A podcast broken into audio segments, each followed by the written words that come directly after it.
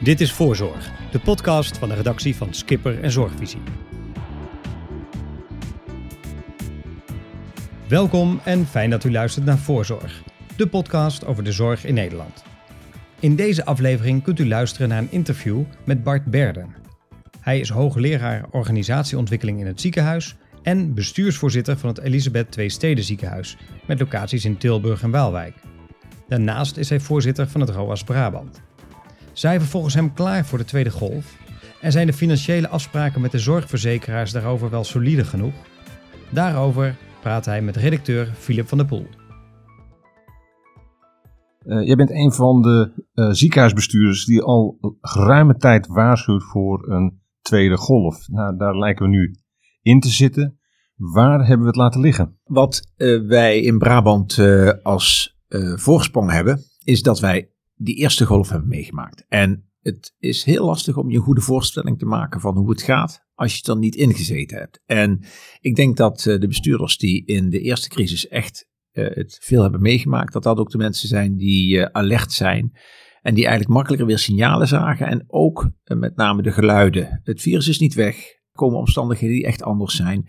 We zagen dat mensen zich anders gingen gedragen en wisten dat daarmee een aantal randvoorwaarden geschapen waren die het, die het virus weer goed makkelijker zouden maken. Die signalen die namen jullie dus eerder waar heb je ook uh, je nadrukkelijk over uitgelaten. Ja. Is daar wat mee gedaan? Ja, tuurlijk. Er, wordt altijd naar geluisterd. Maar de druk om weer naar het normaal te kunnen was zo sterk. En dat is uh, tot en met het individuele niveau, de burger, uh, de mens, was daar heel veel behoefte aan weer normaal. En dat heeft ons echt enorm dwars gezeten. Daarnaast zien wij ook, zagen wij ook, dat de medewerkers in de zorg ook een zekere mate van vermoeidheid hadden.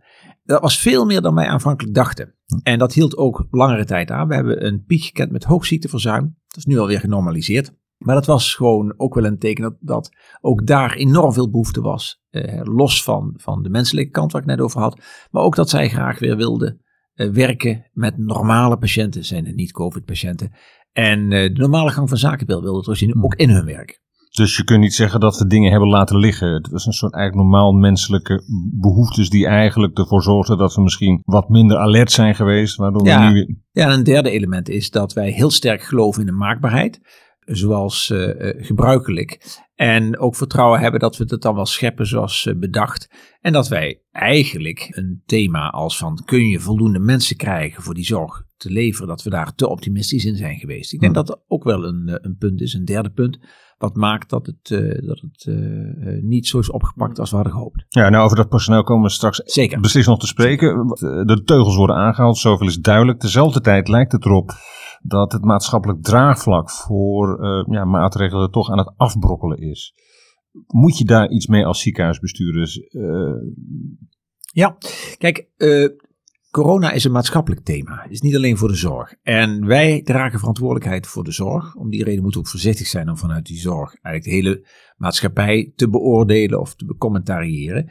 Wij hebben deskundigheid vanuit die zorg. En vanuit die zorg hebben wij ook verantwoordelijkheid om uh, het geluid te laten horen. Dat maakt het voor ons ook makkelijker om kritisch te zijn over maatregelen. Hm. Omdat wij eigenlijk kunnen zeggen, ja, als je nou niet hier goed op let, dan gaat die zorg uit het lood lopen. Hm. En dan gaan we er allemaal vreselijk veel last van hebben. En nou, dat is vind ik onze functie als uh, bestuurders in de zorg of werkers in de zorg. Om dat geluid goed te laten horen. Ben niet te optimistisch. En zie dat uh, als je die maatregelen niet voor snel fors en snel aanscherpt, dat we gewoon steeds verder uit het lood komen en het steeds moeilijker wordt om het weer gewoon goed te reguleren. Ja, en dan zei Dirk Gommers onlangs van we moeten juist uitkijken dat we niet te alarmistisch zijn eh, in, in, in, in het geluid dat we laten horen, want dat slaat op een bepaald moment dood. Terwijl jij toch ook een beetje aangeeft, ja, we, we moeten reëel zijn. En dat betekent dat we ook niet al te rooskleurig beeld kunnen geven. Nou ja, dat is misschien wel net het punt dat ik graag uh, me beperk tot de zorg. Hè. Dus ik hm. ben even voorzichtiger om direct het over uh, alles uh, te hebben. Dus de hele maatschappelijke kant. Maar te zeggen vanuit de zorg zien wij dat wij geleidelijk aan een situatie weer komen waarin er te veel patiënten zijn die om corona-ziekte en, en rondom corona weer onze zorg nodig hebben. En daar kan ik ook op, op acteren en zeggen, ja, ben dan met die maatregelen ook terughoudend. Of ik bedoel eigenlijk juist zet ze in om te voorkomen dat je weer in een situatie komt zoals we hebben gehad. Ja, hoe is het nu? Want een van de grote hoofdbrekens een paar maanden geleden was natuurlijk is er voldoende capaciteit op de intensive care? Wat hebben de ziekenhuizen in gezamenlijkheid gedaan om dat probleem te ondervangen? Ja, ziekenhuizen hebben uh, een inschatting gemaakt wat, het, uh, wat de mogelijkheden waren. Dus hoeveel bedden zouden we kunnen opschalen.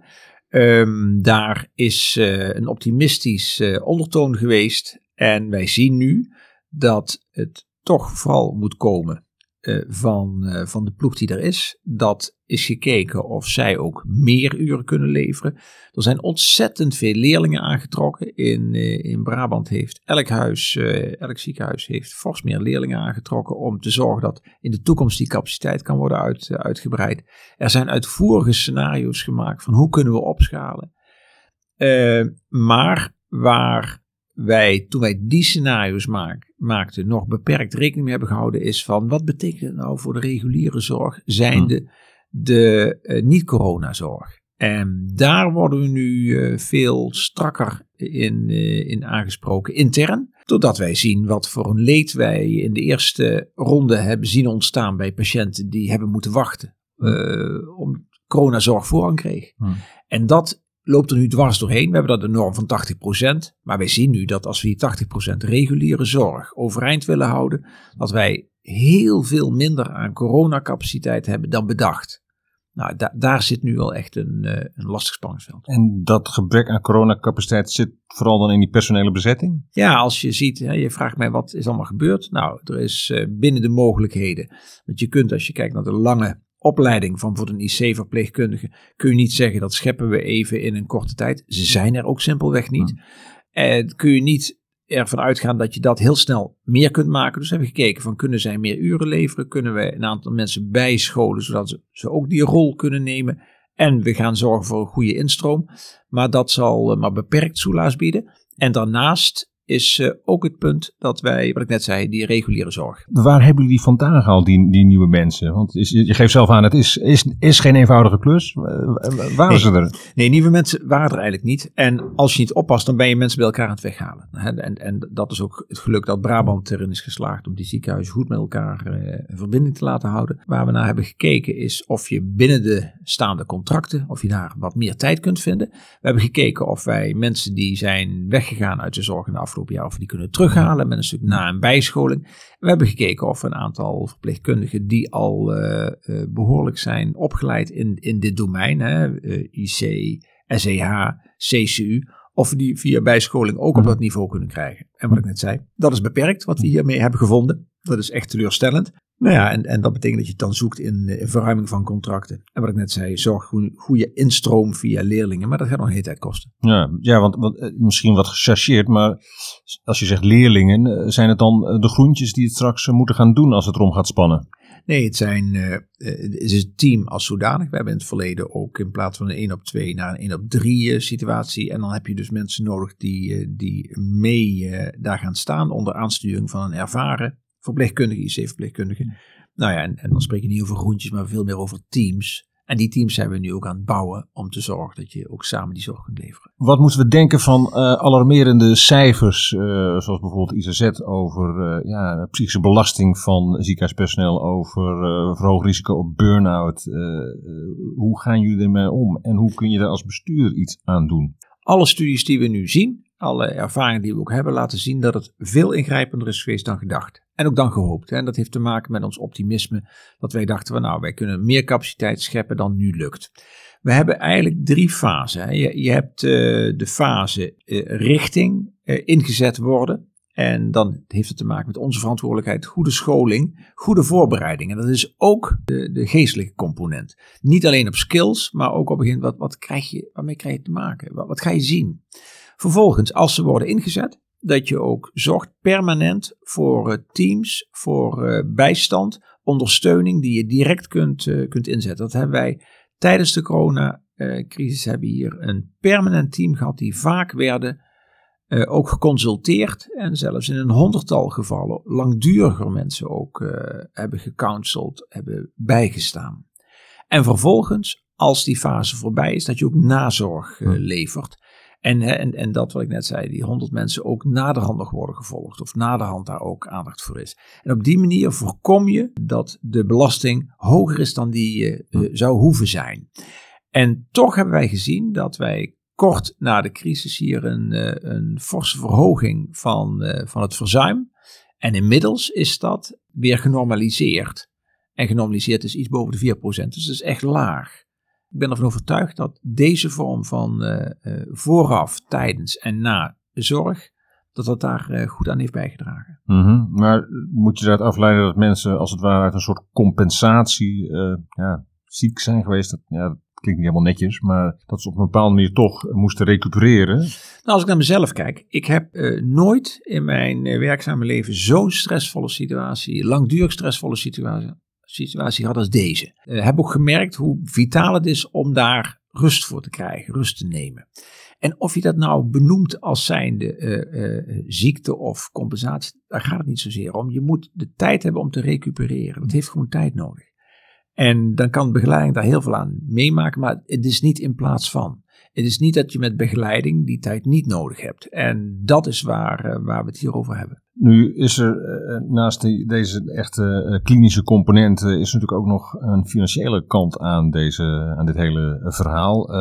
De afgelopen maanden uitvoerige gesprek geweest tussen zorgverzekeraars en ziekenhuizen om een goede financiële regeling te treffen is die voldoende solide om een tweede golf ook op te kunnen vangen? Nee, die is, uh, dat is toch een rommeltje in totaal. Wij weten niet goed waar we aan uh, toe zijn. We hebben wel het vertrouwen dat uh, vanwege het belang van de zorg en ook hoe de zorg er steeds gestaan heeft, dat het uiteindelijk wel goed zal komen.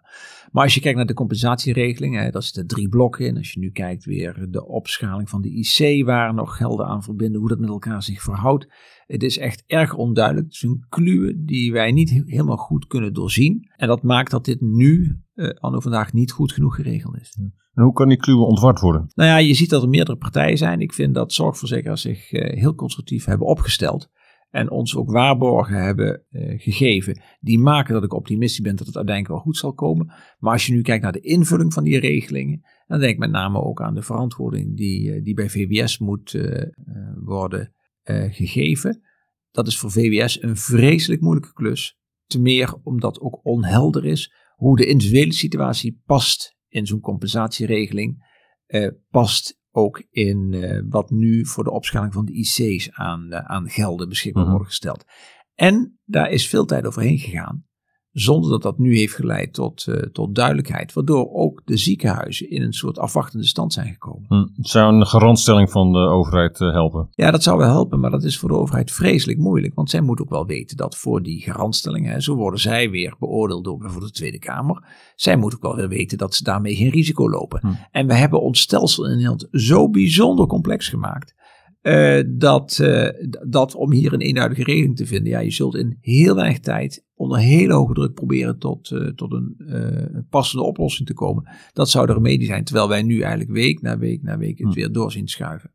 Maar alleen het punt dat wij de basis van waar wordt uitgegaan, hè, zijn dat nou 950 of 1150 IC-bedden, dat er onduidelijk is. Het ook onduidelijk is hoe daarvoor betaald moet worden. Uh, ja, dat is een illustratie van hoe moeilijk de praktijk, uh, hoe complex de praktijk is. Maar dat kan niet voortduren, toch? Nee, dat kan ook niet voortduren. Ten meer omdat als wij nu snel moeten uh, opschalen in termen van ook echt een aantal aanpassingen, bouwkundige aanpassingen moeten doen voor meer, meer IC-capaciteit. Ja, dan moet je niet uh, hoeven wachten op, op de financiële middelen daarvoor. Ja, nou, ik heb je in het verleden ook gesproken over uh, juist dit, dit, uh, dit verhaal van IC-capaciteit. En jouw pleidooi was ook laten we zorgen dat we die corona-IC-capaciteit, dat we die concentreren. Want het is toch een specifieke expertise. Uh, zo zet je het gewoon zo efficiënt mogelijk neer. Mijn indruk is dat we nu toch eigenlijk een beetje die IC-capaciteit naar raten van groot van ziekenhuizen aan het verdelen zijn. Dus dat iedereen er een beetje bij krijgt. Ja, dat uh, heeft toch te maken met dat wij bij het uitwerken zagen dat uh, iedereen daarin verantwoordelijkheid wilde nemen. En dat daarmee de keuze was van als je het gaat concentreren, dan krijg je de mensen niet die die concentratie moeten bemensen. Want ons werd ook duidelijk dat personeel schuiven tussen Hm. ziekenhuizen, dat dat een hele lastige zou worden en veel weerstand op zou leveren. En dat betekent dat het plaatsen van de, van de bedden bij alle ziekenhuizen toch een eh, meer resultaat, meer bedden op zou leveren, extra bedden moet ik dan zeggen, dan dat we ze op, op drie plaatsen bijvoorbeeld in, eh, in een ROAS-gebied zouden Mhm. concentreren. Dus uiteindelijk zijn we daarop teruggekomen. En eh, hebben we toch gekozen voor laten we het overal neerzetten, omdat dat uiteindelijk het beste resultaat oplevert. Dus dat was wel een zorginhoudelijke overweging en geen politieke. Want de buitenwacht zou kunnen denken van ja, eh, eh, ziekenhuizen willen niet irrelevant worden. Dus die willen per se die, die, die IC-bedden erbij, ook al zijn het kleine ziekenhuisjes. Nee, die kleinere huizen die hebben ook nadrukkelijk gezegd van wij willen gewoon de verantwoordelijkheid meedragen. En dat is ook wel waar, van waarde, omdat zij ook in de afgelopen crisis af en toe echt ongelooflijke opschaling eh, hebben laten zien. Hm. En dan heb je toch als ROAS, eh, dan doe je het verkeerd als je dan zegt van ja, we gaan daar dogmatisch in eh, om. Nou, en daarom hebben we toch gekeken en zijn we teruggekomen daarop en heb ik gezegd van hoe kunnen we het meeste bedden creëren. Ja. Nou, naast dit, dit verhaal van IC eh, hebben jullie natuurlijk ook nog eh, de NZA en de IGJ in, in je nek hangen, zou ik maar Ja. zeggen. Die, Ja. die eigenlijk eh, hardop zeggen van de reguliere zorg mag er niet meer onder lijden. Nee, en dat is wel een hele lastige. Want ik snap dat heel goed. Volstrekt verantwoord als je vanuit het perspectief van de burger kijkt. Maar dat is, als je niet oppast, een papieren construct. Terwijl die ziekenhuizen echt die problematiek hebben. En hoe zit dat nou? In de ziekenhuizen heb je dadelijk, als de aantallen toenemen, en we, en we denken dat wij eh, in een week al richting zo'n 750 eh, opnames gaan, krijg je het eh, probleem dat je de ene instroom is via de polykliniek, indicatiestelling, onderzoek, ik bedoel diagnostisch onderzoek, indicatie voor operatie. Dat is één patiëntenstroom. De andere patiëntenstroom is via de SEH, namelijk coronapatiënt verslechterd via een klinisch traject, al dan niet. Komt dan op de IC. En dat betekent dat op de IC eh, de confrontatie komt. En het vervelende daarvan is dat je eigenlijk daar niet de besturing hebt. Je kunt daar niet mensen al, eh, al eh, naar een andere plek dirigeren, tenzij je de patiënt over kunt plaatsen naar een ander ziekenhuis. En dat wordt toenemend moeilijk. En zie hier het, het, het conflict waar wij op afsteven, namelijk dat wij de, in de ziekenhuizen straks eh, op IC-niveau moeten gaan eh, discussiëren over wie toegang heeft. En dan heb je aan zo'n eh, beleidsregel van IGJ of stelregel van de IGJ of NZA heb je niks, want dat levert daar niet de oplossing. Nou, wat zou er met coronapatiënten gebeuren die eigenlijk op de IC terecht zouden moeten, maar er niet terecht zouden kunnen? Wat, wat- Nou ja, dat is een, iets waar wij nu zeggen, dan ga je op basis van medisch inhoudelijke overwegingen, neem je besluiten. En als op een gegeven moment dat geen soelaas biedt, hè, dan kom je in dat beroemde scenario waar de, de eh, eh, FMS en de KNMG een handreiking voor doet. En dat is eigenlijk dat je dan moet gaan beslissen op niet medisch inhoudelijke redenen. Nou, en, en dan zul je naar die handreiking toe moeten om te kijken of je dan een, eh, een keuze kunt maken. Eh, eventjes toch terugblikt op eh, de, de persconferentie van, eh, van, van het kabinet gisteren. Ja, het is een soort partiële lockdown waar we nou tegenaan kijken.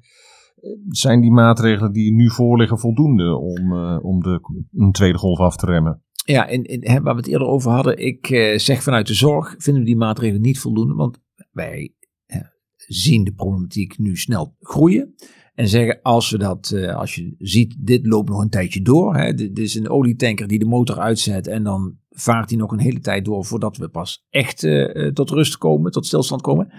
En dat betekent dat als wij nu strenge maatregelen nemen, dat we pas over één, twee weken gaan zien wat het effect heeft. Nou, we verliezen nu kostbare tijd. Want als we nu drie weken de motor een beetje uitzetten, dan kan het zijn dat het toch nog zoveel ellende oplevert dat we straks zeggen in die zorg van had het maar eerder gedaan. En vanuit de zorg zeg ik van alsjeblieft, laten we kijken of we het eerder kunnen doen. Ehm, dus dat is het perspectief van de zorg. Ja. Om een beetje naar een afronding toe te werken. eh, De situatie hier in Brabant. Wat is jullie voornaamste prioriteit als ROAS Brabant op dit moment? Wat, wat, wat, wat, staat bovenaan de agenda? Wat bovenaan de agenda staat momenteel, nou ja, la- laat ik, laat ik een, een- een- een- drie dingen noemen.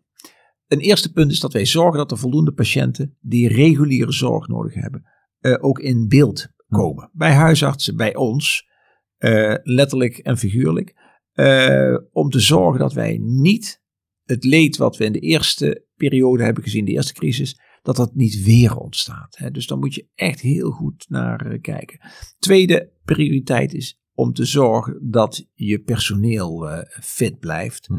Om te zorgen dat zij ook, hè, als wij dit nu langduriger gaan meemaken, dat daar ook gewoon uh, een, ja, voor hen ook het, mogelijk is om er te staan.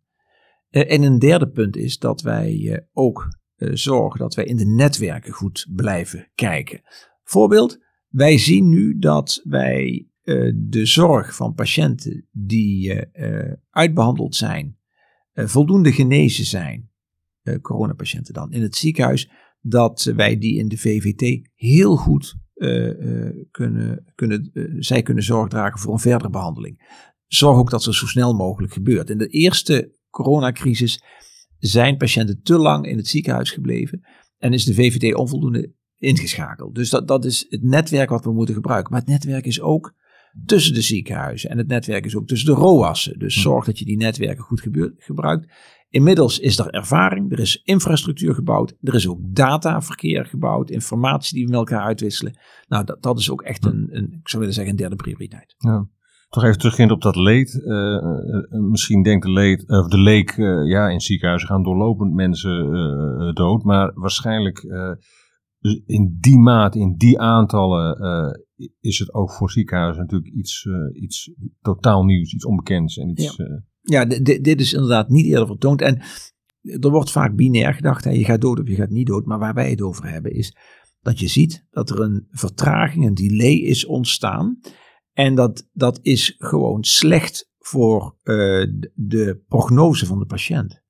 Een klacht die uiteindelijk blijkt uh, te maken te hebben met, met een kwaadaardig iets, kwaadaardige tumor, die eerder gevangen tot een betere prognose zou leiden. Denk bijvoorbeeld aan, aan iets als huidkanker, testiskanker. er zijn veel voorbeelden waar de professionals in dit ziekenhuis mij van vertellen, waren er maar eerder bij geweest. En zij hebben daar ook echt op persoonlijk vlak last van. Hm.